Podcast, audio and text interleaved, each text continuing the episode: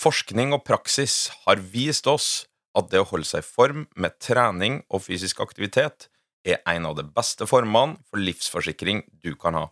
Men ingen av oss vet hvilke retninger livet tar oss i, og selv ikke trening kan beskytte deg mot uforutsette hendelser som brann og ulykker i hjemmet ditt, et sykt barn eller forsikre bilen din.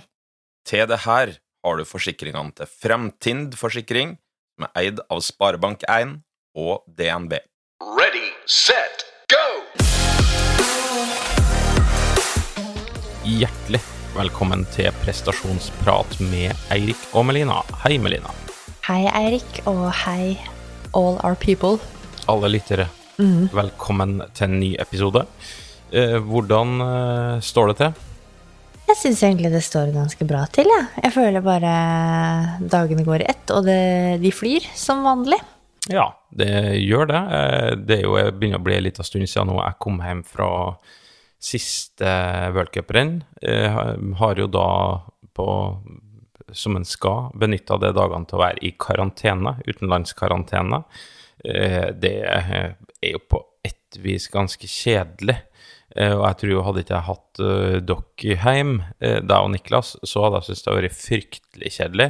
Du, det har vært sjakk på TV. Du hadde klart det helt fint. Ja, jeg, jeg, hadde klart meg, men jeg hadde syntes det hadde vært kjedelig. Nå har egentlig tida flydd eh, veldig. Det har vært eh, For min del har det vært en god del turer med Nordic Cabin eh, som pulk. eh, nydelige skiforhold. eh, og mye kos med Niklas på hjemmebane. Så de ti dagene der har eh, flydd, rett og slett. Ja, han har jo hatt sånn treningscamp, for nå har han jo lært seg masse nye greier mens du har vært hjemme. Ja. Og øvd på liksom hurtigheten sin og klatreferdigheter og Så jeg føler vi har hatt liksom Han har hatt egen camp her nå som du har vært hjemme. Ja, det, har, det er hinderløype som er en hit nå. Han kan ikke gå ennå, men å krabbe over ting og, og Klatre. Ja, å komme seg opp i sofaen her på et vis, det er topp. Ja. Men kanskje han blir sånn OCR-utøver? Ja, det vil vise seg. Eh, Så er det noe sånn at eh, vi spiller jo inn det her på kvelden eh, etter at han har lagt seg, og i morgen så drar jeg på pre-camp før VM. Der blir jeg ei lita uke, og så får jeg to dager hjem her før vi setter kursen sørover mot uh, VM.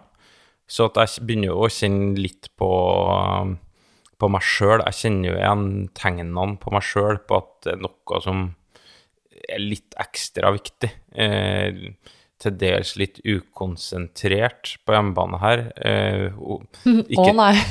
ikke det at hodet mitt sånn at jeg går og tenker på noen sånn konkrete ting angående VM hele tida, men det, du er litt sånn Hodet er litt skrudd inn på uttak, litt skrudd inn på løypeprofil, eh, litt på værmelding eh, og sekundering og stavposter. eh, Like mye som de er med på eh, det å følge med på hva du ser hele tida. Ja, det skjønner jeg. Nei, men jeg merker jo det på deg, at det nærmer seg et mesterskap. Men det er jo Jeg syns jo Det gjør meg ingenting, og jeg syns bare det er gøy.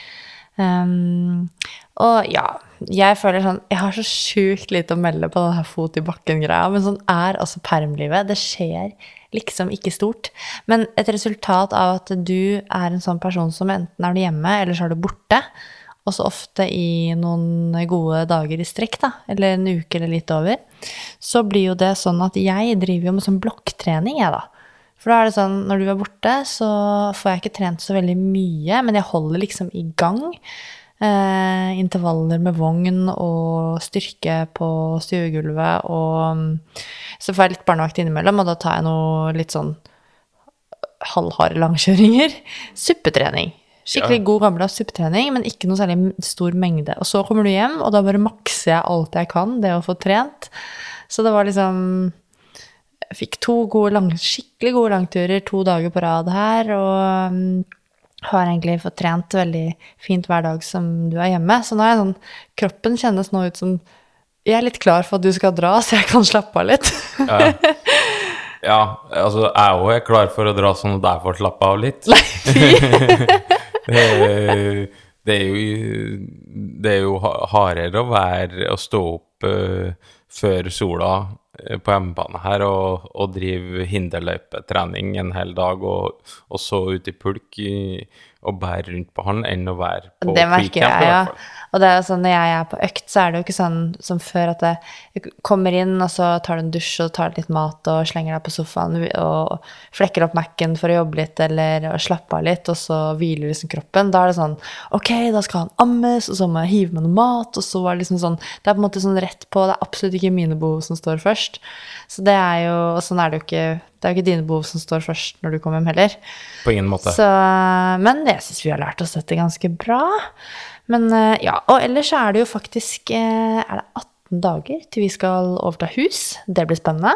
Veldig spennende. Eh, Vi teller ned, og mm, ja, så går det jo egentlig noen gode uker etter det, da. Jeg skal ikke begynne å jobbe før i mai, faktisk, har det blitt nå. For å få familielogistikken til å gå opp. Så, men jeg har tatt på meg faktisk å veilede litt bachelorstudenter. Eh, som skal ha noen spennende oppgaver eh, nå til våren. Og så skal jeg holde bitte litt foredrag, men det blir veldig, veldig lite på jobbfronten. For det er jo faktisk meningen jeg skal ha perm, og det skal jeg holde på. Eh, nå, eh, akkurat i dag faktisk, så starta jo skiskyting og skiskytter-VM på TV-en. Ja. Eh, alpint eh, skulle ha starta for noen dager siden, men har blitt avlyst pga. Av været. Ja, fy søren. Det betyr jo, mm, og senest før i dag, så så jeg jo norske laget gå inn til gull. Um, og når det nærmer seg mesterskap, så handler det om å være i form. Vi skal til et VM eh, som det handler om å være i form til. Um, så vi tok og rett og slett eh, la oss på den linja der at vi skal ha en episode om formtopping. Yes. Vi Så- går til episoden. Det gjør vi. Eirik, hva er din personlige erfaring med formtopping? Og da tenker jeg ikke som trener, men som utøver. Ja, jeg må jo en stund tilbake eh, for det, da. Eh, Jeg la jo opp i 2005, så det begynner å bli 15 år siden. Oi. Eh, Og mye vann har rundet i havet siden den tid. Men det er klart, jeg, jeg husker jo på noe av det. Eh, Jeg var veldig tro til ei type økt, eh, husker jeg, eh, som jeg kjørte inn mot type junior-NM og, og det viktigste konkurransene, og det var ei sånn knalltøff ti ganger ett minutt all out. Ja, den tror jeg jeg har kjørt etter råd fra deg, faktisk. Men det er Ja. lenge siden. Og det, den kjørte jeg typisk sånn eh, ja, ti dager, kanskje, før eh, det viktigste sk- skirennene, da. Um, og det var sånn virkelig all out. Jeg mm, tror jeg, jeg tenkte liksom sånn Ok, nå skal jeg gå ut på det draget her som at det er 40 sekunder jeg skal gå, og så skal jeg bare holde i eh, ett minutt. Um, så det var sånn nærmest sånn hurtighet. Eh, men du, du, du går jo deg helt møkkestiv, sånn at det er klart at de siste fem-ett minuttene går det jo mye kortere enn du gjør på det første fem. Ja, du har rett og slett en prestasjonsreduksjon i økta, for du blir så sliten. Ja, og jeg hadde lang pause, og, og, men uavhengig av det så vil prestasjonen dette utover. Så det var en sånn ordentlig, ordentlig tøff økt, og så brukte jeg alltid å gå en distanse. Jeg ville ikke gå skirenn helga før, men jeg ville ha en distanse. Eh, type en 10 kilometer eller et eller annet for meg sjøl.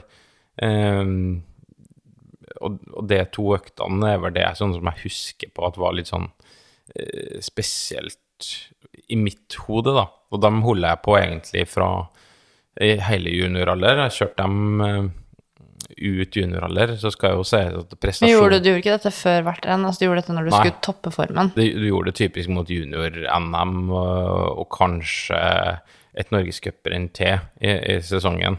Ei sånn, altså, ei sånn ti ganger ett minuttsøkt, i hvert fall på det viset.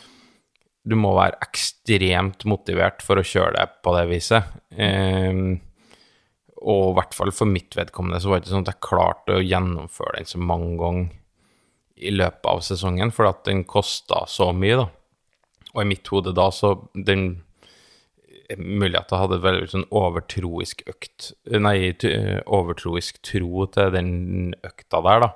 Um, og jeg tror nok kanskje at jeg har fått like mye igjen hvis jeg har kjørt den hard, men ikke så hard. Eh, men ja, den funka nå noen gang, og så funka den ikke andre gang. Superenkel forskning. ja, ja, men jeg hadde stein trua på det, og det, det er vel sånn Det jeg kan huske tilbake på som er mine erfaringer med formtopping, eh, er jo det at av og til så traff jeg, og av og til så traff jeg ikke. Og det tror jeg nok har like mye med resten av de treningsårene, de to årene jeg lyktes, så trente jeg veldig, veldig godt. Og så med hånda på hjertet kan jeg vel si at de to sesongene jeg ikke lyktes, så trente ikke jeg like godt. Så det handla ikke så mye om formtoppinga mi å gjøre. Det Jeg skal vel være eh, såpass ærlig med meg sjøl, det skal jeg være. Så det sto ikke og falt på det, de to øktene, rett og slett? Nei, det gjorde det ikke. Det var andre ting som skurra de to siste årene, enkelt og greit. Eh, du har jo med årene begynt å gått litt skirenn, du òg. Du har jo tre mesterskap bak deg. Eh, så hva er dine erfaringer med formtopping innenfor utholdenhet? Ja, for jeg hadde jo ikke ofret formtopping en tanke eh, da jeg var danser. For da på en måte, skulle du på en måte være i form hele tiden, eh, stort sett. Jeg har jo testet ut helt sånn konkrete formtoppingsstrategier på meg selv, og så har jeg liksom kommet fram til en, en strategi som jeg har brukt inn mot konkurranser, som jeg har vel har brukt kanskje da Det er vel fire anledninger som peker seg ut, da. Eh, og da inkludert disse da tre mesterskapene. Um, og da, hver gang jeg har brukt den formtoppingsstrategien, så har jeg klart å gå fortere på ski enn jeg noen gang hadde gjort før opp til da.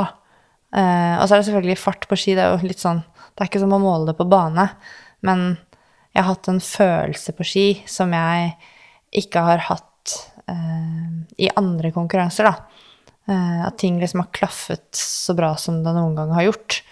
Sånn at det, Og det har jo gitt meg troen på at formtopping har noe for seg, når jeg liksom har klart å, å treffe ved flere forskjellige anledninger, da.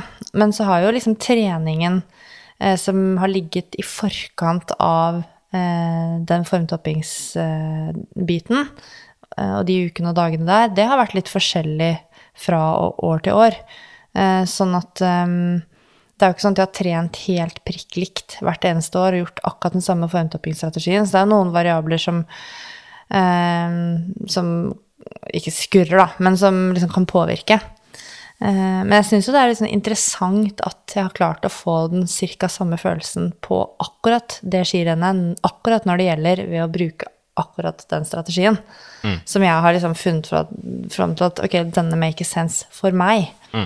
Så, um, så jeg har gode erfaringer med å liksom gå inn i en sånn liten fase på slutten her, da. Ja, det, det er jo liksom det her temaet med formtopping, det, det er jo mye basert på det her erfaringene du snakker om.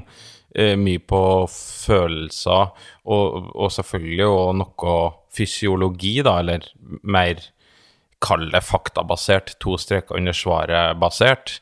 Eh, men sånn som jeg ser det, så er jo det med formtopping er jo en slags mer enn kunst enn en eksakt vitenskap. Ja, definitivt. Det er kanskje eh, ingen på et vis annen uke i en utøvers treningssyklus som det hersker mer usikkerhet rundt enn akkurat denne formtoppingsperioden, da. Ehm, og, og de fleste som på, etter endt karriere eller midtveis i karrieren eh, kan slå seg på kassa og si at de har funnet sin strategi, så er det ofte på, grunn, på bakgrunn da, av eh, mye prøving og feiling. Ja, det er jo litt sånn at det finnes jo ikke noen fasit på hvordan man skal forberede seg de siste ukene før et løp, og hvordan man skal formtoppe. Og nå finnes det jo eh, matematiske modeller som kan brukes for å liksom prøve å beregne liksom hvordan man skal formtoppe og sånn, men igjen så er jo ikke kroppen så statisk. Eh, Sånn at det, det blir jo Du kan bruke liksom vitenskapen og noe matematikk til å danne deg en slags sånn basis for å ta noen gode avgjørelser, men så, på bakgrunn av det man kan om kroppen og det som fins av vitenskap, så må man gjøre en sånn prøving og feiling-greie, da. Ja, det er jo det der som danner Du snakker om mattestykkene. Det er jo det der som danner, danner grunnlaget for enhver utøver sin matematiske modell. Du må prøve å finne erfaringer, du må prøve, å finne følelser, du må prøve å finne eh, fysiologi som eh, støtter opp om det du lander på. Fordi at det gir deg kanskje ei økt tro om at det du holder på med, er ganske bra. Ja. Eh, og så handler det like mye om å kanskje sette sies noen følelser du får underveis, og ha klokketro på ting. Eh, og, og da ender den matematiske formelen opp eh, i pluss for, for eh, ditt vedkommende, eller den går opp, da, eh, uten at jo mer, altså, jo mer jeg satt og leste meg opp om det her når vi liksom forbereder oss til denne episoden, og så prøver jeg å tenke på hva er det vi gjør, hva er det mange utøvere har vært borti, har gjort og lyktes med, hva er folk har mislyktes med, så eh, jeg blir nesten mer sånn usikker enn sikker på hva som er riktig, da. Det, det eneste sikre er at det er det er i hvert fall like mange forskjellige måter på å lykkes med det her som det er utøvere som jeg har trent, i hvert fall. Ja, det, det er jo veldig stor eh, interindividuell variasjon, som det heter.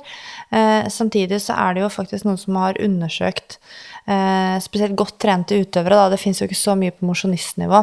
Det kommer vi litt tilbake til. Um, og da har man jo sett på utøvere på tvers av mange forskjellige utholdenhetsidretter. Felles for de er at alle er godt trente, og alle satser. Eh, og så har man sett noen fellesnevnere og fellestrekk som fungerer. Så det betyr at hvis du bruker de rådene som er på bakgrunn av de studiene, så vil du kunne treffe eh, mer enn du vil bomme eh, flesteparten av gangene du skal prøve å eh, få deg selv i form eller hjelpe noen. Men så kan du selvfølgelig også eh, havne litt utenfor fordi det er stor individuell variasjon på noen ting, da. Men før vi liksom bryter ned det her med formtopping, så må vi klargjøre noen begreper. Det engelske begrepet, begrepet for formtopping, det er jo peaking. Men veldig ofte så hører vi et uttrykk som heter tapering. Og det er, er kanskje det uttrykket jeg har hørt mest for formtopping, mm. når man snakker liksom i vitenskapelige termer. Og taper, to taper, det betyr jo liksom å redusere gradvis. Mm. så det er det ordet vi eh, kommer til å bruke ganske mye eh, når vi skal snakke om disse formtoppingsstrategiene som, som vi skal snakke om i dag. Da. Eh, så en tapering det er en progressiv reduksjon av treningsbelastningen som har til hensikt å redusere både fysiologisk og psykologisk stress, og med det da optimalisere idrettsprestasjonen.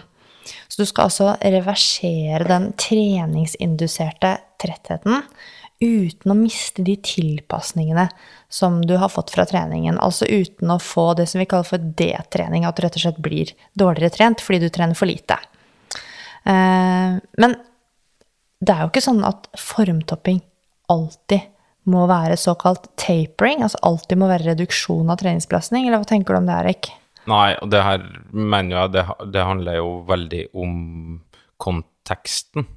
Eh, jeg kan jo ta meg som eksempel. Hadde jeg nå meldt meg opp på et, et eller annet nå, Dessverre i år så er det jo fryktelig lite eh, konkurranser, uavhengig av idrett, å delta i, da. Men i et tenkt scenario at jeg skulle ha gått uh, si Holmenkollmarsjen uh, Det kunne jo skjedd. Det kunne ha skjedd. Du har, du har faktisk muligheten til å gå den i år, men nei, du er jo bortreist, da. Jeg er Ja. bortreist. Men uh, si at den er om tre uker. Det kan jo godt hende at jeg treffer ganske bra òg med det tidsaspektet der. Men eh, hvis jeg nå skulle ha tenkt at jeg skal være, ha en formtopp om tre uker, eh, så tror jeg nok ikke at jeg hadde truffet så godt hvis jeg hadde tenkt veldig sånn eh, så, altså tapering sånn som det betyr, altså og gradvis redusert min totale treningsbelastning. Ja, du ville ikke sluppet opp på treninga?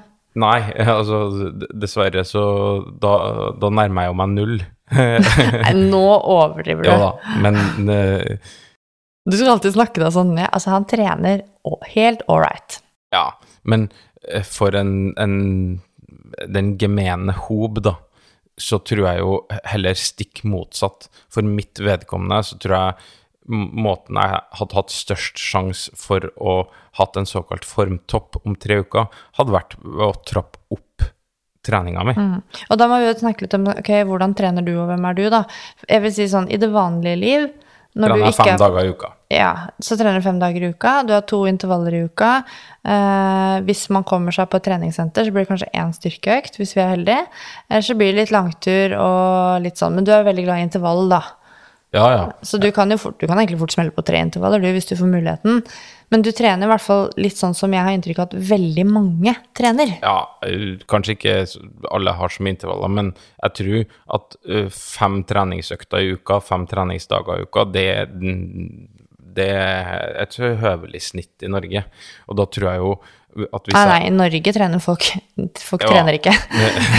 Men den gjengen vi prater med. Ja, men, men jeg tror jo at hvis jeg hadde At du hadde tatt en person som går på rundt fire timer i Birken, da, for å relatere det til det, og, og sagt eh, Hei, Eirik, kan du uh, sette opp hva jeg skal trene de siste to ukene, og hva jeg skal gjøre for å, å gå en halvtime fortere, da, sier det. Eh, Nå snakker du om meg, jeg går fire timer. Nei, så, så ville jeg tenkt eh, ok, hvis jeg får frie tøyler, så har jeg tatt eh, fri fra jobben noen, noen dager, tatt ut permisjon, tatt ut feriedager, uh, prioritert da å få, få trent to økter, spist hvila mellom øktene.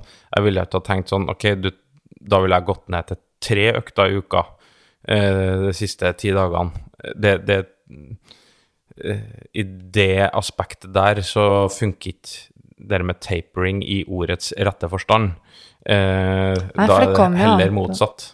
Kommer an på hva du taper Altså, hva kommer du ifra av treningsgrunnlag? Du må ha noe å tape på, for, du må ha, for det skal make sense å slippe opp. Ja, form, eller formtopp, eller sånn, det handler jo om Det er egentlig eh, Det kom i form. Det, det er summen av to ting.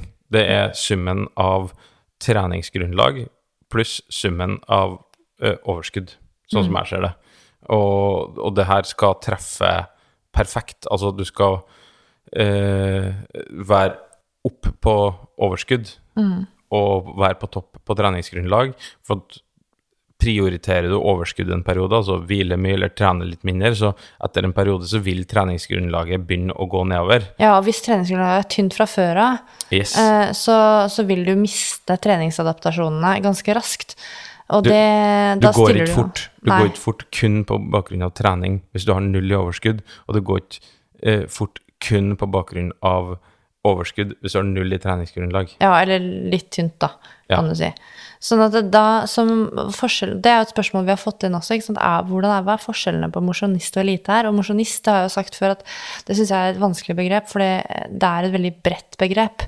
En mosjonist, noen lever litt nesten som en toppidrettsutøver, mens noen uh, trener to ganger i uka. ikke sant? Så det er veldig Ja. sånn. Men forskjellen, da må man jo som mosjonist vurdere som at ok, bør jeg faktisk legge inn litt mer trening, sånn at jeg kommer i bedre form av det økte stimuliet? Eller er livet mitt sånn skrudd nå at kanskje jeg skal beholde den treninga jeg har, prøve å redusere på noen livsstilsfaktorer som gjør at jeg kan få mer overskudd? Eller skal man prøve å liksom Eller har man nok eh, treningstimer i uka, da? Ja. Trener du en 10-12 timer i uka, liksom, da åt- ja, 8 til 12, hva vil si da, timer i uka, da tenker jeg, da har du et, et ok grunnlag. Det er litt å leke seg med, da, når det gjelder tapering. Nå skal vi begynne å bryte ned dette med tapering, som da også handler om formtoppingsstrategier. Det er jo flere variabler du kan leke deg med og endre på. Du har jo treningsfrekvens, du har volum, altså mengden du trener, treningsintensiteten, som jo kan gå på puls eller, eh, eller opplevd anstrengelse osv. Og så har du jo mønsteret, altså måten eh, du strukturerer frekvens og volum og intensitet på. Og så har du varigheten på taperingen. Hvor lenge skal selve den tapering, eller formtoppingsperioden, vare. Eh, For å begynne med intensitet, da, så er det en, en stor eh, metaanalyse, skal linke opp den, altså, eh, som er gjort på godt trente utholdenhetsutøvere, der de så at hvis du f.eks. reduserte intensiteten på trening ved å f.eks. droppe hardøktene, eller å redusere ned til moderat intensitet, så førte det til en reduksjon i prestasjonsevnen, sammenlignet med før folk starta på taperingen. Og det er jo det motsatte av det man ønsker seg, da. Så et viktig poeng i forhold til eh, ting du skal redusere på, da, eh, i en sånn tapering, som jo handler om å redusere på eh, treningsbelastning, så må man ikke redusere på treningsintensiteten på bekostning av et formtoppingsopplegg. Det er et veldig viktig poeng. Den, altså, hardøktene, det er det sterkeste stimuli du kan gi til kroppen din for å komme i form. Det er, vi har sagt det før, det er bang for your buck-trening. Eh, sånn at um, den treninga, den vil du for enhver pris egentlig beholde. Da får man heller kutte på andre ting, som vi kommer tilbake til da. Og så er jo spørsmålet sånn Bør man trene enda hardere da, enn ellers? Skal man øke treningsintensiteten? Kan det være et poeng? Um, jeg tenker jo at For det første, ikke gjør selve eventen du trener til, før eventen er der. Altså, du sa, Erik, at du ville ikke gå skirenn helga før du skulle ha et viktig mesterskap. Um, eller gå et viktig skirenn. Da ville du gjerne gjøre, gå en distanseøkt. Det ligner jo på en konkurranse, men det er ikke like hardt som en konkurranse. Nei, nei, og øh, igjen, uh, i, i fare for å virke diffus og ikke virke konkret nok, så, uh, så syns jeg det her å handle litt om konteksten og, og litt om hva, hva har du gjort i forkant, etc. Men det er sånn, du løper ikke maraton før maratonet.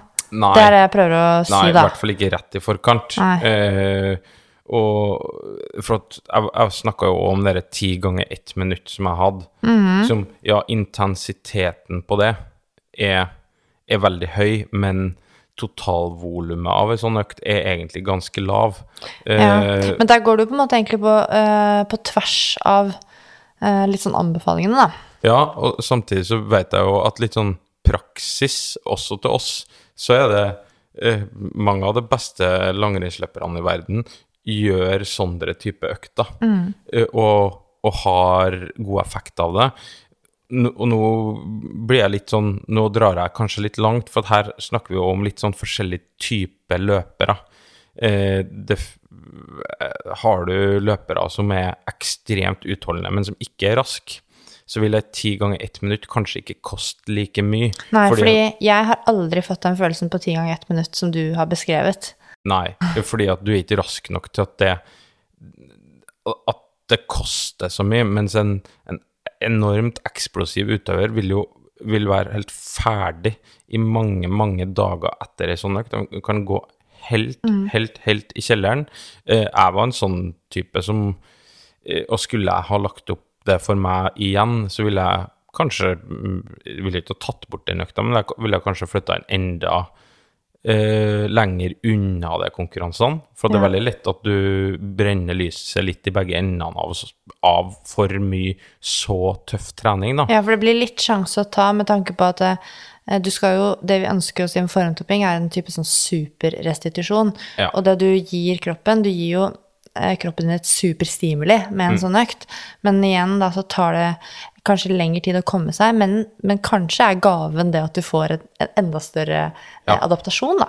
Hvis du gir kroppen tilstrekkelig restitusjon etter ei sånn økt, da, og hva eh, hva er tilstrekkelig restitusjon? Jeg tror jo da en, en litt treigere type à la deg sjøl, no offence Det går bra. eh, vil ta en kopp kaffe og spise en bolle, og så er du restituert. Mens Ja, ja. andre løpere trenger en liten uke nærmest før de klarer å reise seg fra sofaen.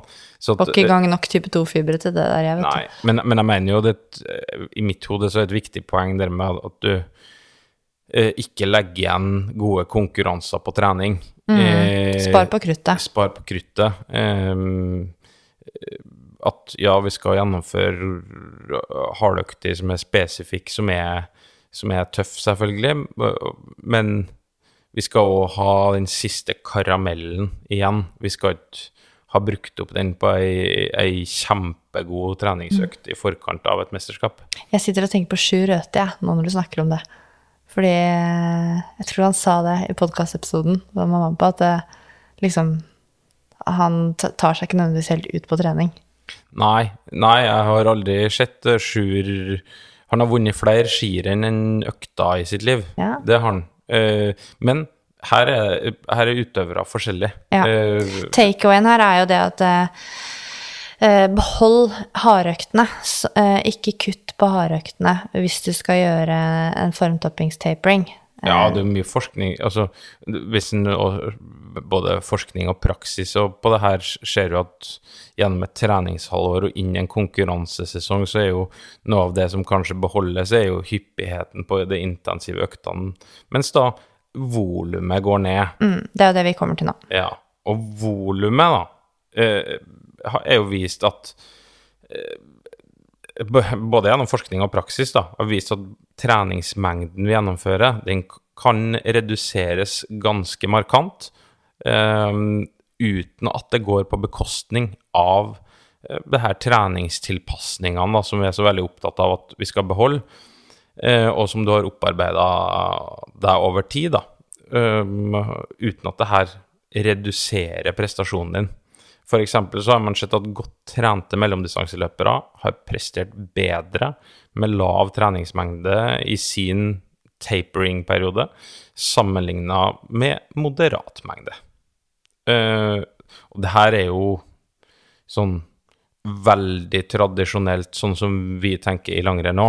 At når, når eh, konkurransesesongen setter i gang, og inn mot konkurransesesongen, så er det først og fremst volumet, eller volumet spesielt av de lange, seige turene, da, som reduseres, og dermed så går jo timeantallet vårt ned.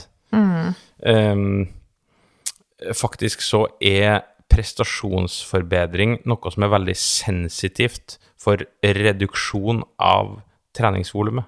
Det vil si, det fungerer veldig bra for de aller fleste som er godt trent og eller har høy totalbelastning ellers, og tren en del mindre.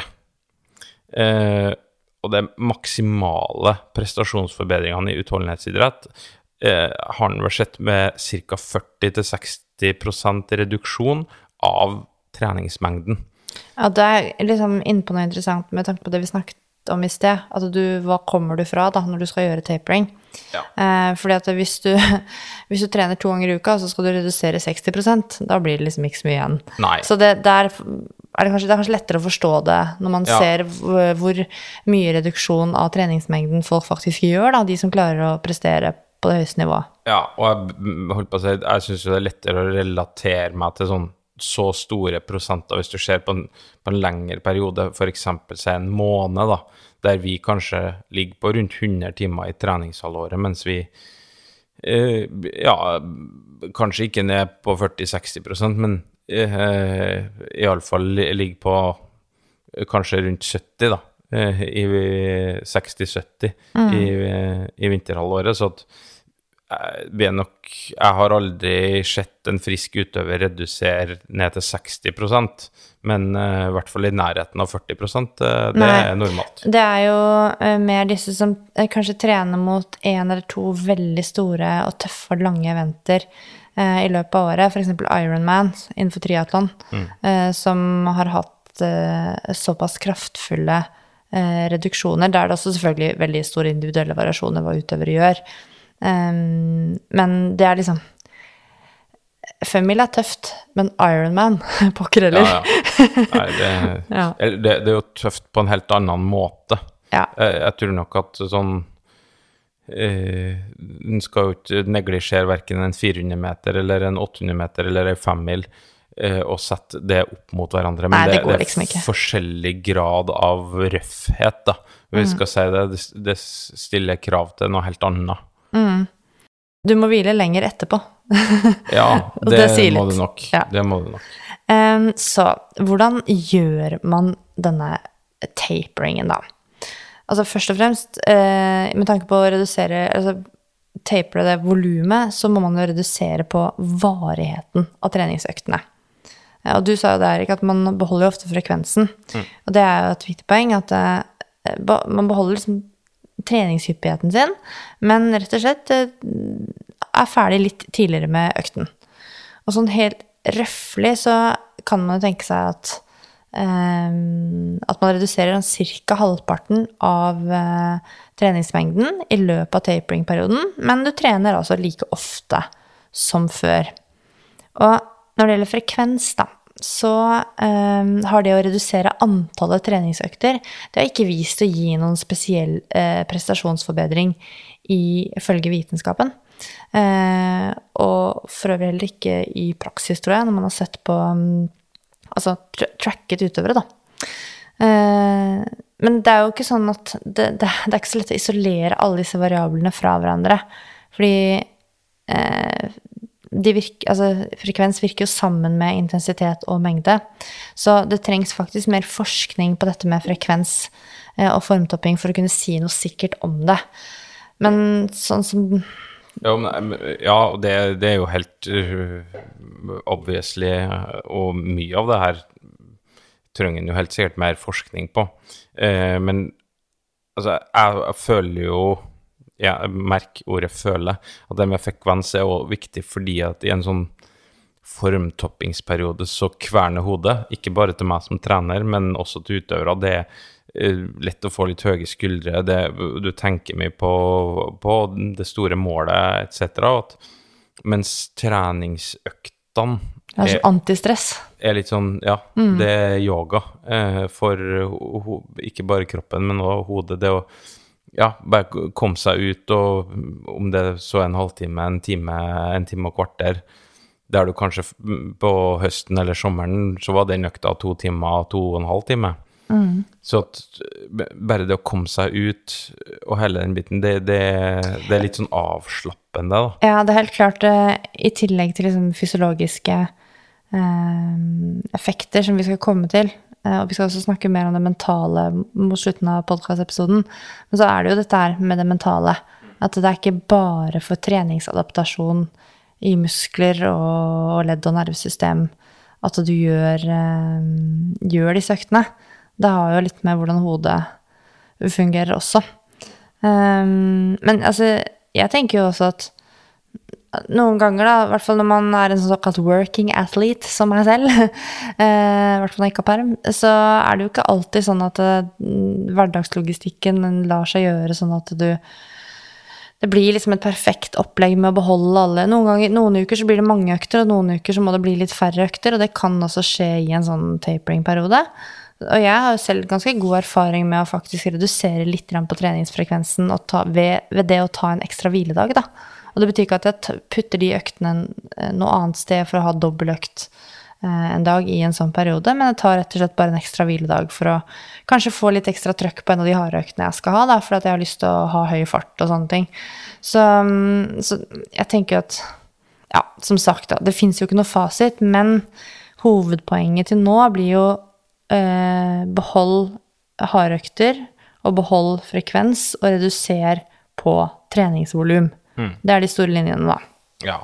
Og så er jo liksom det med hvor lenge skal en sånn tapering-periode eller formtoppingsperiode vare. Og da det, her eh, Spør du meg, så spør jeg deg. Det, det kan være alt fra ei uke til fire uker, og også lengre. Du kan ha sånn mini-tapering-perioder grunna mange konkurranser som er tett i tid, eller du kan ha prøve å ha to litt større formtopper i løpet av en sesong. Eh, og her er det, vil jeg si, at det er ekstremt stor individuell variasjon. Men sånn forskningsmessig så ser det ut at en plass mellom 8 og 14 dager da, eh, ser ut til å representere en sånn slags grense eh, mellom da slitenhet fra trening eh, skal forsvinne, og at du får optimal restitusjon, mot det at du mister da de treningstilpasningene du har trent på deg. Eh, det vi kaller D-trening. Og det er jo den her, det der krysningspunktet her du vil treffe ganske perfekt. da. At du er ekstremt godt restituert, og at du fortsatt har eh, vedvart alle, alle de her treningstilpasningene du har jobba og slitt for. Um, og så kan du jo ha, få prestasjonsfremgang med både kortere og lengre tapering-perioder, eh, men det er jo som sagt veldig individavhengig. Og så er jo Det jeg mener, er jo Jeg tror jo at det er noe Det, det en jo på, på en, i enkelte forskninger at det er kanskje et større potensial i lengre tapering-perioder. Eh, men også da, i forkant av denne tapering-perioden, så, så må du jo ha trent vesentlig tøffere, da. Og det er et poeng, for jo tøffere du trener, jo lengre restitusjon må du jo ha. Ja. Og med andre ord, har du trent fryktelig, fryktelig, fryktelig tøft, så trenger du jo lengre tid, og det kan det potensielt ligge en ligge noen promiller i, da. Eller Noen gaver prosenter. på slutten. Ja. Og så igjen drar jo meg veldig til den idretten som jeg driver på med, at der har han jo ikke helt muligheten nødvendigvis alltid til å gjøre sånn. Du har konkurranse hele tida. Altså, for å komme deg til et mesterskap da, som her skal være representere det store målet, og der du skal ha formtoppen, så, så må du kvalifisere deg. Eh, med andre ord så har du kanskje ikke muligheten til å og så gå dårlige skirenn fordi at du er nedtrent i fordi- lang periode. Du har jo en, noen utøvere som eh, Det er noen utøvere som dere konkurrerer mot, f.eks., som er sånn Den personen, han vet at han skal til VM. Han Ja. vet at han er på laget uansett. Ingen Ja. kan ta den plassen hans. Eh, alt kan egentlig bare siktes inn mot det å bli verdensmester. Mens eh, Og det er jo et privilegium, da. Her er det mange Ja. gode som må kjempe om plassene.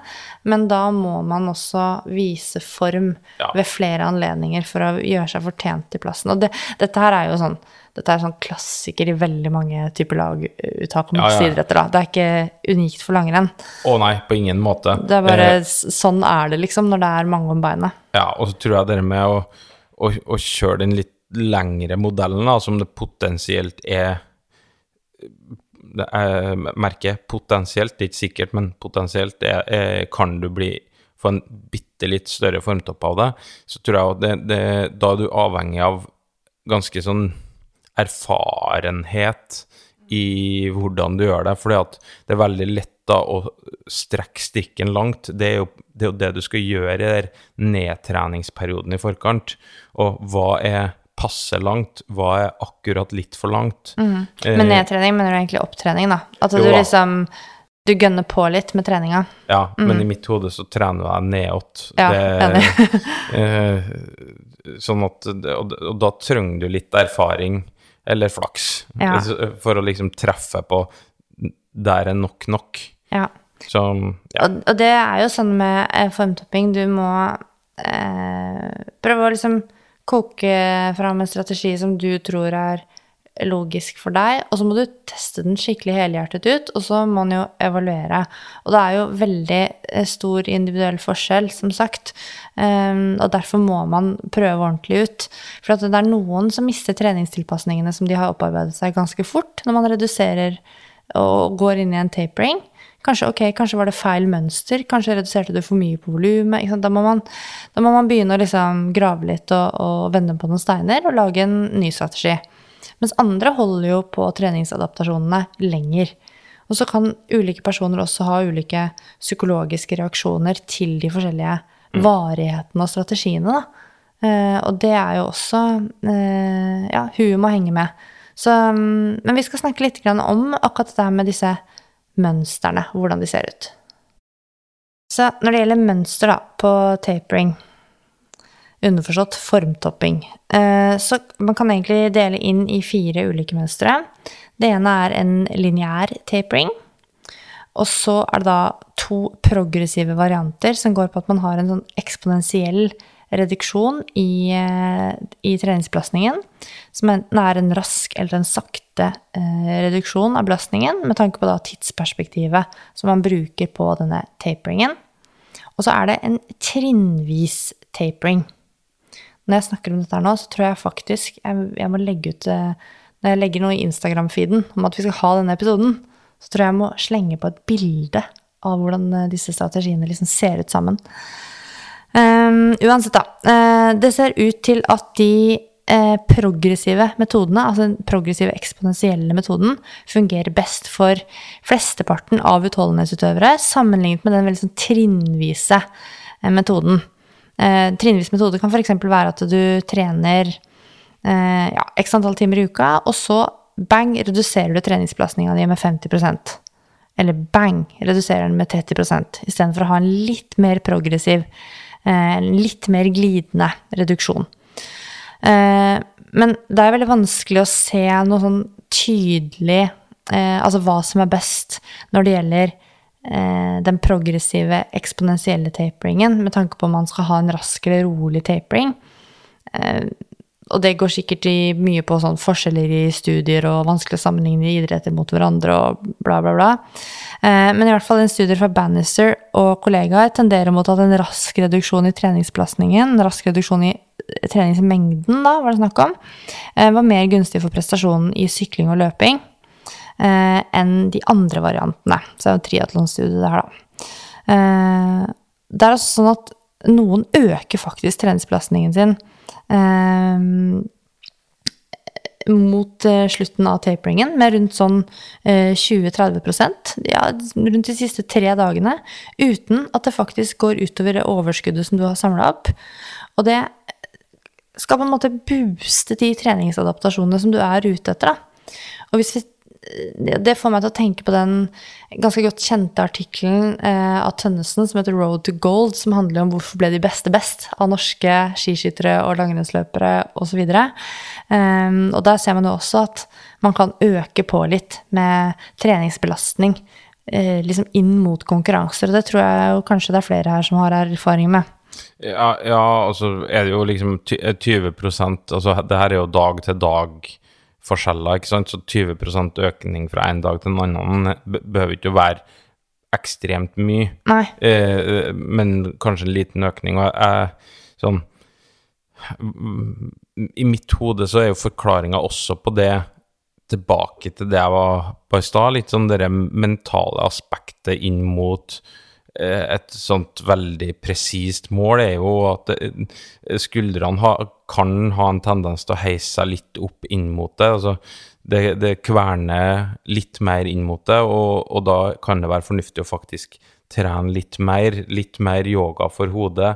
Eh, ofte så har du en intervall, eh, enten dagen før eller dagen før der igjen. Sånn at jeg tror det er ganske naturlig det at du faktisk de siste dagene inn mot det eh, trene litt mer enn de mm. foregående dagene. Og så i langrenn skal du i tillegg ha skitest, og så, liksom der, og så skal du ha kanskje en kveldsjogg. Det er flere sånne små eh, punkter da, som gjør at den totale belastningen kan øke litt mot slutten. Ja, og så er det litt sånn Noe som vi òg har fått spørsmål om, er jo det med hviledager inn mot en toppform. Og det er jo eh, Litteraturen til dels anbefaler jo å ta en hviledag de fem siste dagene før man skal konkurrere.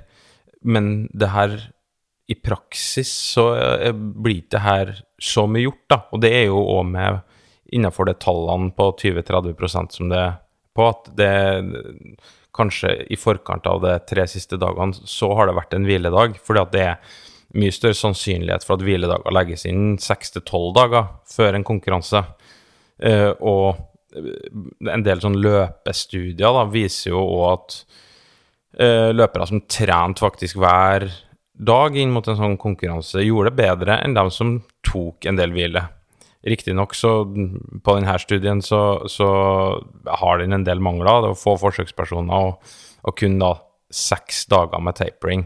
Så at, men sånn praksis ut ifra mitt hode, så blir det så lett at den henger seg opp i at det er en 20-30% økning. Det høres fryktelig mye ut, mm. men du må se det i sammenheng med hva som skjedde før det her, eh, tre dagene før konkurranse. Da er ofte da en hviledag. Det er ofte et par rolige dager der, og så kommer du til det konkurransestedet, og så skal du gjøre forberedelsene der, og da er det helt naturlig at, at den kanskje er ute 20 minutter lenger. Mm. Eh, som da vil, vil, faktisk være en 20-30% økning fra dagen før. Ja, så det er liksom ikke rocket science å få til det der.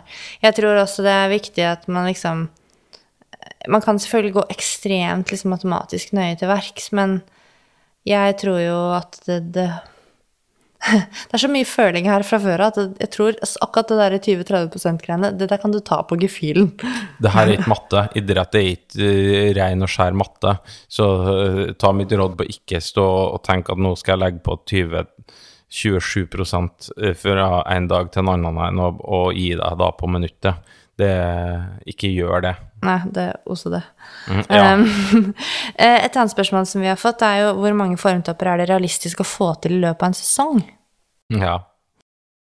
Uh, og det er igjen et godt spørsmål. Uh, og det er jo utfordrende, det å såkalt pike da, flere ganger for dem som har et tett konkurranseprogram. Eh, fordi du får en konflikt eh, mellom restitusjon og trening. Eh, vi ser jo det sjøl at når konkurransesesongen, i en normalsesong vel å merke, når den starter, så er det da har du to dager i uka som går bort til reising som regel, og så til en konkurranse og hjem fra en konkurranse etc. Så det er ikke så lett å få alt til å gå opp. Um, og så I tillegg til det konkurranseprogrammet så har du jo utøveren som individ som dikterer en hel del av hvordan det her tapering-prosessene blir seende ut. da. Og det kan òg være vanskelig å stake ut en slags sånn fast plan for hele sesongen, fordi at en formtoppingsfase eller tapering-fase avhenger av hvor sliten du ble siste konkurranse, med tanke på hvor mye du må holde belastninga ned for å hente deg inn, samtidig som du gjerne vil kapitalisere på forrige treningsperiode. Uh, og så må du få trent for å ikke miste formen på lang sikt, etc. Så det, det, det ble en lang enkelt, setning. uh, men det, det, er litt sånn det, Jeg tror nok i, i en del utholdenhetsidretter så er det mulig å få til to i, i sånn virkelig peaks ja, i løpet av en to, sesong. Kanskje maks tre. Ja, men og så tror jeg jo at hvis du, skal, hvis du går så tøft inn på, på to sånn knallharde prioriteringer da, av mål, så tror jeg jo òg at hvis du har muligheten så, til å ikke konkurrere så mye imellom og, og tilrettelegge sånn sett, det øker sannsynligheten for at du får det til, da. Ja. Noe anbefalinger hvis man skal ha to til maks tre sånne store piker, da. Eh, så er det jo og Da skal du få til optimal restitusjon, du skal ha trening, du skal ha tapering, du skal ha peaking, du skal gjennom litt forskjellige faser. Så bør du fort ha tre Nei, unnskyld, ha to, rundt to måneder mellom de store målene. Ja, nå, nå, skal jeg nevne noe som jeg sånn, ikke kan så mye om, men som jeg føler Som jeg syns er interessant å følge med på. Det er jo sykkel. Mm. De har jo eh, De har jo en del sånne eh, De har liksom der vårklassikerne, eh, og så har du Giro d'Italia, du har Tour de France, og så har du Vueltaen, mm. Spania rundt. og der er ikke så mange eller det er vel, og jeg tar helt sikkert feil når jeg sier at det er veldig få som har lyktes med å sykle f.eks. Giro d'Italia, og lykkes med det, og så gå nærmest rett på Tour de France ikke så lenge etterpå. Fordi at det er for kort tid mellom. Men du kan klare Giro d'Italia og Vueltaen, som er seint på sesongen. Det er mulig. Så at um, Og sånn er det jo flere som uh, tenker når de satser ja, innenfor disse mer sånn ekstreme eh, formene for utholdenhetsidrett, da, som, som, sykling, men som også, som jeg nevnte, triatlon. At du har liksom noe på våren og sommeren, eh, så har du kanskje noe på høsten igjen. Som er liksom de to store målene. Um, altså de kortere taperingsperiodene, da, er, de burde du bare bruke før mindre viktige eventer. Sånne mini-tapering som du var inne på helt i starten, som er sånn type fire til syv dager. Og da er det lurt å være ekstra supernøye med detaljene, sånn som ernæring og hydrering, få i seg væske, søvn og bare alt som kan hjelpe på restitusjonen. Eh, for det er jo sånne eh, energisluk på et vis. Hvis du har mange sånne eh, mange konkurranser imellom de store målene, så blir det jo tøffere å komme i den topp, topp, topp-formen. Og hvis man kan da unngå kanskje lange reiser til konkurranser som ikke er hovedmålet, da hadde jeg seriøst vurdert å kanskje bare droppe det. Du, det er en sånn kost-benefit-vurdering hele veien. For, Ja, ja. hvis du, for det å reise, apropos energisluk, det, det føles kanskje greit og hyggelig der og da, men, men det koster. Og Ja, ja. nå er det ikke så mye reising og farting nå, men alle som har eh, reist i forbindelse med, med idrett og tatt fly og dra med deg utstyr og alt det altså, ja, det, det koster energi. Ja, det er derfor sånn når vi har VM, når vi har OL, sånn, så prioriterer vi alltid å reise i veldig god tid. Fordi at vi skal ha tida til å pakke ut av bagen før første konkurransedag. Det er liksom det er noe med Du må lande litt, liksom. Ja, du må lande litt. Du må uh, sove ut reisen. Sjøl om, sånn som i år, vi skal bare til Tyskland, så er det sånn Det, det er veldig kjekt å få flytta klær fra bagen og inn i skapet, og så lagt seg litt på senga og, og, og slappa av litt før, før det smeller, da. Eh, vi skal videre. Nå blir det en lang episode her, men jeg tror det blir artig. Eh, vi skal snakke litt om Vi skal inn i vår lille fysiologitime. Eh, og snakke litt om hva som faktisk eh, skjer eh, i kroppen når, eh, når vi driver med denne taperingen.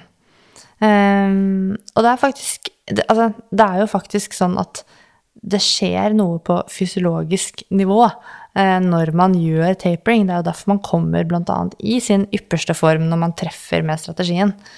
Um, det fins jo flere studier på hvor man har undersøkt liksom, eh, Tar blodprøver, urinprøver eh, og ser på hva som foregår eh, i kroppene til idrettsutøvere når de har gjort eh, sine taperings. Eh, hos svømmere så har man f.eks. sett eh, et signifikant samsvar, altså en korrelasjon, da, eh, mellom den prosentvise endringen i testosteron- og kortisolratioen og den prosentvise forbedringen i prestasjonen i løpet av et fire ukers formtoppingsopplegg. Og det er altså sånn at altså, testosteron, det er jo en sånn hva skal man si, en sånn anabol driver. Når du er lav på testosteron, det er ikke så veldig godt tegn. Det brukes jo også som en sånn markør på f.eks. Overtrening. Ja, ikke sant, på overtrening. Eh, at ting ikke er i vater. Eh, og kortisol, det er jo stresshormon. Eh, som jo er helt naturlig, og, og det øker ved- ved alle treningsøkter og, og sånt nå. Men, men eh, sånn generelt sett så skal det være en balanse mellom testosteron og kortisol. Og da ser man på plasmakonsentrasjoner i blod da, for å undersøke dette. En annen ting som eh, innenfor det med formtopping, så, så, som er en fysiologisk respons, og som har blitt brukt veldig mye i utholdenhetsidrett, det er jo høydetrening. Og den fysiologiske responsen av det er jo uh, potensielt økt blodvolum, uh, HB-masse, uh, som kan forklare en slags boost ifra, i etterkant av et høyderegime, da. Og så er jo mitt sånn Min tanke om det med høydetrening vi har, Det har vi jo diskutert tidligere og i en, en tidligere podkast, men jeg tror jo at mye av grunnen til at folk kan få en boost på bakgrunn av et, eh, et høydeopplegg i forkant av et mesterskap, er liksom mye på grunn av at når du drar til høyden, så er det noe som klikker i hodet på mange på at nå skal jeg være ekstra flink. alt riktig. Ja, nå, skal jeg være, nå, nå må jeg gjøre alt riktig, for nå er jeg i høyden. Og da er det så farlig å gjøre noe som ikke er helt etter boka, sånn at du blir flink med, med at du går rolig nok på rolige turene. Eh, du legger deg når du skal. Du, du er ekstremt flink på det du skal spise. Eh, og så er det noen kjensgjerning at det ofte er gode treningsforhold i høyden. I hvert fall det plassene vi bruker å være. Ofte fint. Det er gode treningsforhold. Fint det er vær, og- Ja, fint vær. Og det er ofte litt sånn, litt sånn lettgåtte traseer som er eh, Du går og flyter litt, da. Eh, som gjør at du på et vis blir bare i form av å være der. Ja. Eh, for enkelte. Sånn at Men det fysiologiske her, det er jo da blodvolum og HB-masse, som i utholdenhetsidrett er helt klart en fordel å, å få en økning i, da.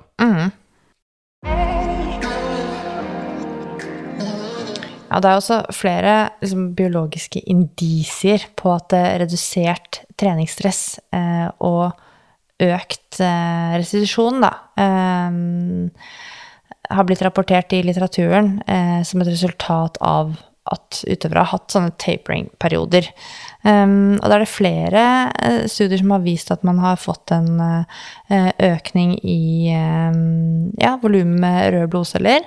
Uh, at man har fått en økning i hemoglobinnivåene sine. Og hemoglobin, som er jo oksygen, har oksygenbærende egenskaper, det er jo veldig viktig. og også hematokritt. Og de Altså disse her hematologiske um, variablene, da, de har vist seg å være relatert til da eh, de tapering-induserte prestasjonsforbedringene. Mm. Eh, og så har man også sett faktisk økt eh, eh, antall med røde blodceller, så du kan faktisk få noen flere røde blodceller.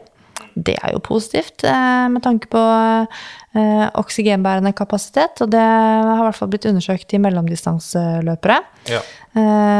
og så mm, Eh, eh, andre ting er jo også at man f.eks. har sett at eh, blodnivåene med eh, CK, eller keratinkinase, eh, de brukes jo som en sånn slags indeks eller markør på treningsindusert fysiologisk stress i muskulaturen.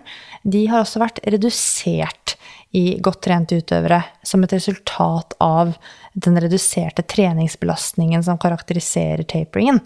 Sånn at du, du, får jo De positive tingene, de øker, og de negative tingene, de reduseres. Um, sånn at man har jo noen fysiologiske markører for at det faktisk foregår noe eh, i kroppen som gir deg den her superrestitusjonseffekten. Ja, og prestasjonseffekten, ikke og minst. Og den påfølgende prestasjonseffekten. Ja.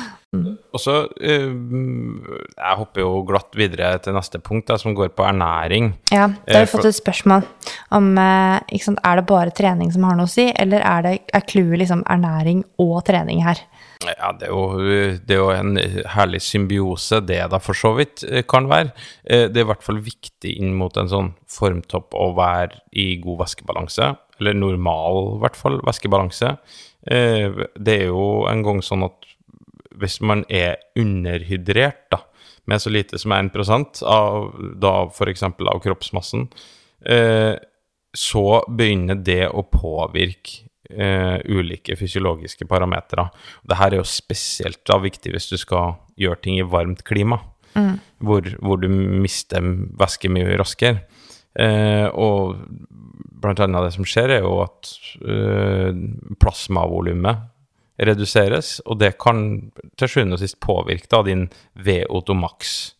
For å hvordan veit man at man er hydrert, så er jo farge på urin kan jo være en markør på om du er eh, godt nok hydrert, men det er jo da en sånn ja, det er ikke en uh, veldig sånn reliabel uh, Jeg bruker alltid å få skjenn av deg hvis, eh, når jeg tar feil av reliabel og valid. Men jeg, jeg, tror at jeg tar riktig når jeg sier at fargen på urin er ikke en 100 reliabel markør på om du er hydrert eller ikke. Nei, det stemmer, og det er ikke sikkert den er så veldig valid heller. Nei, altså, for det kan være andre ting som påvirker det, da. Ja. En annen ting er jo sånn det med glykogenlagre, altså karbohydratlagrene våre, og flybensinlagrene våre, da er, er jo Og der er jo altså, treningsvolumet vi har, det totale treningsvolumet, det påvirker jo hvor mye energi du som utøver trenger. Eh, eller hvor mye du bruker da, i løpet av en dag. Og i, på andre sida hvor mye du da trenger å spise. Og i en formtoppingsfase hvor det totale treningsvolumet skrus ned, så trenger man òg mindre energi inn. Det er et godt poeng. Jeg tror mange faktisk eh, tenker nesten motsatt. At nå skal man både karbolode samtidig og tapere samtidig. Og det er ikke helt sånn det faktisk egentlig skal foregå. Nei, det er i hvert fall ikke øh, Altså, det, det her må jo da times litt, da. Ja, det er det det må. Eh, For altså, du har jo noen studier som har av, Det syns jeg er artig, av Wilson og Wilson. Koselig gjeng. Ja, eh, som har blant annet funnet en økt prestasjon som følge av et økt karbohydratinntak eh, på 10-12 gram per kilo de siste 1,5 til 2 dagene før en sånn tid til utmattelsestest. da. Jeg husker ikke helt på det om det var 80% av VO2max til utmattelse eller et eller annet. Men, og det her ble da sammenligna med et mer moderat inntak av karbohydrater. Ja, så karbohydrating fungerer jo.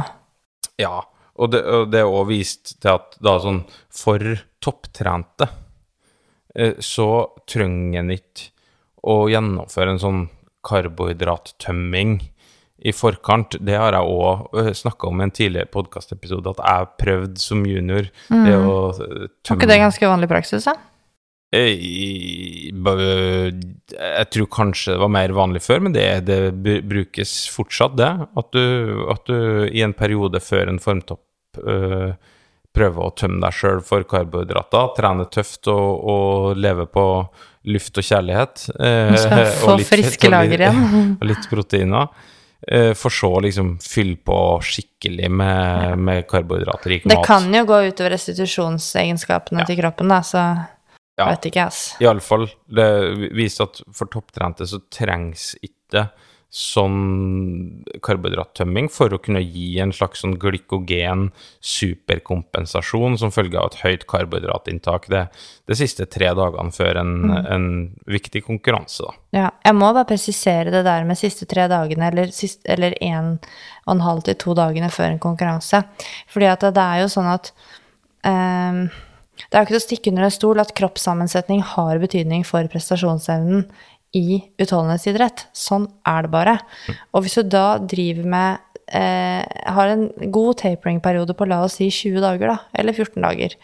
Eh, og så beholder du, reduserer du det totale energiforbruket, både daglig og ukentlig, pga. det, men beholder det samme energiinntaket som du hadde når du eh, trente mye mer, så vil du jo legge på deg fettmasse. Du rekker ikke å liksom bygge en bunch med muskler som skal frakte deg raskere frem.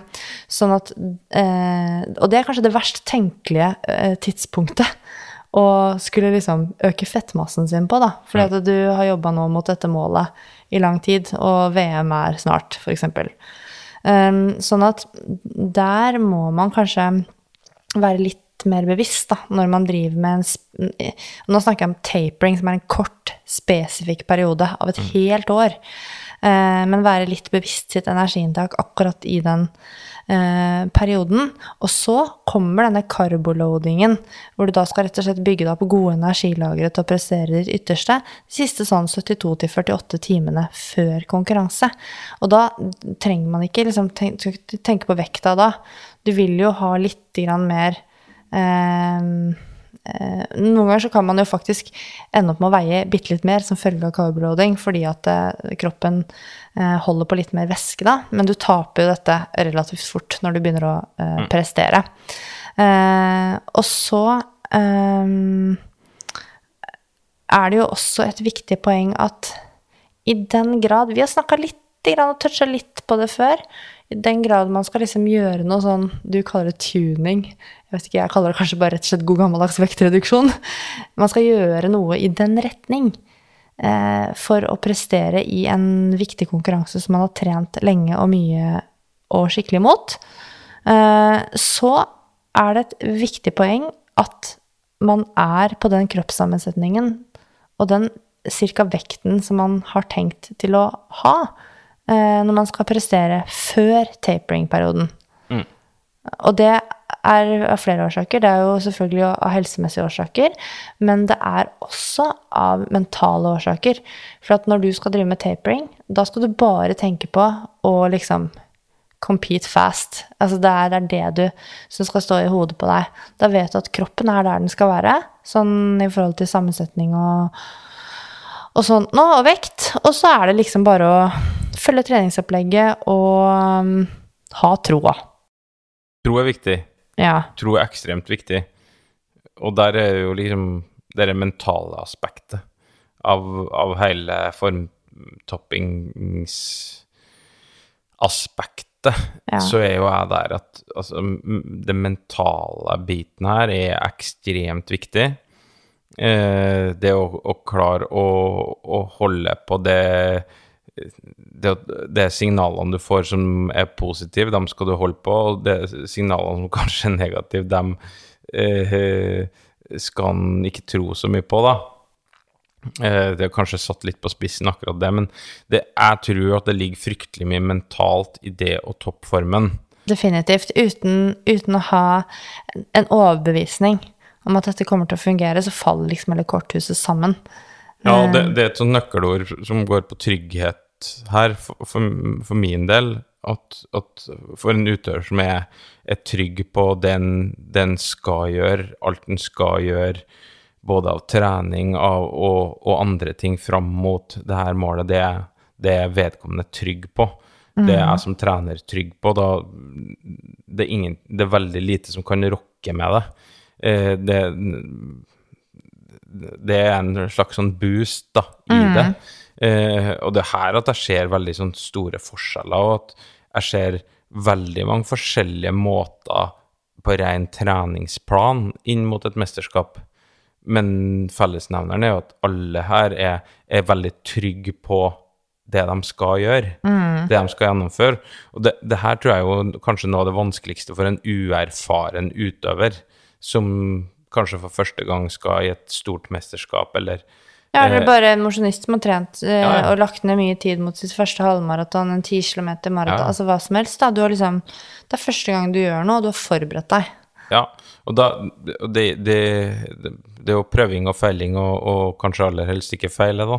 Men, og, og, og, eh, som til sjuende og sist kan gi deg som utøver og vedkommende som er treneren, en slags erfaring på hva er det du, du trenger, da. Det blir på en måte lettere neste gang. Men hvis man eh, har denne her eh, tryggheten eh, i at man har staket ut en kurs som man har tro på, det makes sense, man har en forklaringsmodell for den som man tror på, eh, så eh, er det jo faktisk sånn at det skjer noen ting på psykologisk plan eh, som er assosiert med da formtoppingsperioden. Eh, og det som eh, man ser at utøvere kan oppleve, da, det er at man får en redusert opplevelse av anstrengelse på en gitt intensitet eh, Unnskyld, på en gitt belastning, f.eks. Ting føles ikke like slitsomt som før på den samme belastningen, submaksimal belastning. Eh, Du får en følelse av å være liksom På engelsk heter det vigor, at du får liksom increased vigor, men det er en følelse av å være liksom sterk og, og ovenpå. Um, noen opplever også å ha bedre søvn, og det vil jo igjen kunne påvirke hva du gjør på trening, ikke sant? Uh, så alle disse psykologiske endringene kan være tegn på at kroppen, stresset i kroppen reduseres, og at kroppen faktisk er i ferd med å restituere seg veldig bra. Men jeg syns jo det er viktig å snakke litt om eh, disse dagsformvariasjonene som kan forekomme i en formtoppingsperiode som en hvilken som helst annen periode i livet. Jeg har i hvert fall selv opplevd det at enkelte dager i denne formtoppingsperioden er liksom Det er tungt å gå opp trappa, liksom. Ja, og, men Og da gjelder det å bli usikker som følge av det, da. Ja, jeg tror jo at ofte i en sånn formtoppingsperiode så legger du kanskje mer merke til sånne ting. Eh, Potensielt, da. I hvert fall hvis du ikke har, er så erfaren. Er du supererfaren, så, så stenger du jo bort alt sånn. Eh, Men det er kanskje lettere å legge merke til, som jeg var inne på i starten, at i en periode der du trener litt mindre, så har du mer tid til å kjenne etter og ligge på sofaen og vurdere hvordan Overtenke. kjennes stortåa mi ut akkurat nå. Eh, kontra i går er den faktisk litt tyngre å løfte. Eh, ai, ai, ai. Eh, Mm. Det er et godt poeng. mens i sånn tøffe treningsperioder så, så bare mat den på, og så, så ser en hvordan den kommer ut i andre enden. Mens i en sånn formtoppingsperiode jeg, jeg tror jo litt av poenget er å, å på et tidlig tidspunkt lande den her planen, lande land det du har tenkt å gjennomføre, og, og, Og stå for det. Ja, klare å finne trygghet med det, da. Eh, klart, blir du sjuk, skjer det ting som gjør at du må endre, ja, endre. Mm. Da må man gjøre seg litt fleksibel, men jeg tror ikke en skal liksom på bakgrunn av Hvis jeg hadde hatt en utøver som kom til meg og bare åh, nei, i dag kjenner jeg meg litt tung, og liksom sånn, og så er det på en måte i en formtoppingsperiode, da hadde ikke jeg endret på planen på grunn av det. Nei. For det, det kan igjen skape mer støy og usikkerhet. Oi, shit, nei, å, da må vi gjøre disse endringene og sånn og sånn. Da hadde jeg heller bare en, altså dette har jo, har skjedd meg i praksis også, med, med folk som jeg har coachet, og da, da er det liksom bare Ikke tenk på det, la denne dagen passere, og så er det ny dag i morgen. Fordi at man har gode dager, man har dårlige dager. Altså det er naturlige variasjoner. Det er ikke Ja. sånn at du kommer til å føle deg liksom stadig mer champion for hver dag du våkner i en formtoppingsperiode. Nei, nei, det er på ingen måte. Jeg bruker å si det at sånn for, for en utøver som da har faktisk brukt et eh, år her på å trene veldig, veldig godt, så eneste du kan gjøre feil i en slags sånn formtoppingsperiode, er jo det å trene for mye, mener jeg. jeg. Jeg tror jo det å, å, å bygge opp sjøltillit da med å, å, å ta det litt ned Hold hyppigheten som vi har vært inne på, men, men ta det nok ned. Altså, har du en utøver som har trent fryktelig bra over, over lang tid, så er det ikke sånn at eh, Vi har jo vært inne på ordet D-trening. Det er ikke sånn Det, det kicker ikke inn over natta. Eh, Nei, du har ikke lagt deg på sofaen for å bli der. Det er ikke, det, det er formtopping handler ikke om å hvile seg i form. Du, du gjør ordentlig kvalitetstrening. Ja, men, men du gjør en god Altså, du må tørre å ta det ned nok, eh, tror jeg. For det eneste du kan drite deg på akkurat da, du har grunnlaget. eneste du må få opp, det er overskuddet, både mentalt og fysisk. Så det eneste du kan drite deg på, er jo at du ikke gjør det nok. Ja. Eh, Jeg har kjent på det selv. Jeg prøvde å løpe tre løp på en uke en gang. Løp nummer tre. Altså, det var min dårligste 10 kilometer ever. Ja. Så, men det var jo bare for å prøve det, da. Så det der med over, ja, man skal ikke drite seg på det å liksom stå på startstreken med underskudd på overskudd. Og Nei. det er jo liksom Hvordan vet man om formtoppingen er i ferd med å fungere? Får du funnet ut av det underveis? Det var liksom, kanskje litt vanskelig å si. Du trenger ikke å finne ut Nei. av det. Fordi at det målet står så Det Du Altså Minst mulig sånn sjekkpunkter er totalt anti. Er og inn Mye mot det å, å kjøre standardtester og sånn inn mot det her. Det kan kun skape usikkerhet. Ja. Potensialet for usikkerhet er så stort at drit i det. Eh, Vær mm, og, Kjør planen. Og, ja, kjør, eh, kjør plan, og så må man evaluere etterpå. Traff vi, eller traff vi ikke? Men prøv å finne en slags å finne en trygghet på det. Ikke, ikke leit i alle busker og kriker og kroker etter måter å teste det her på underveis. Da, mm. da brenner du lyset i begge endene. Ja. Det- Og så det er sånn, Du kan stille deg spørsmål føler du deg bra, ja eller nei. Og så noen dager, så kanskje en og annen dag, så vil du føle deg litt nedpå og litt tung. Men um, inn mot liksom ja, de absolutt siste dagene, da skal du begynne å føle deg ganske ålreit, da. Ja, det, Ja. det er jo og målet. hvis den fortsatt føler at den er litt sånn bakpå i forhold til dette overskuddet, da er jeg enig med deg i forhold til at da har man heller bare slakka enda litt mer ja, ja. på treningen Eh, for å få de freshe musklene.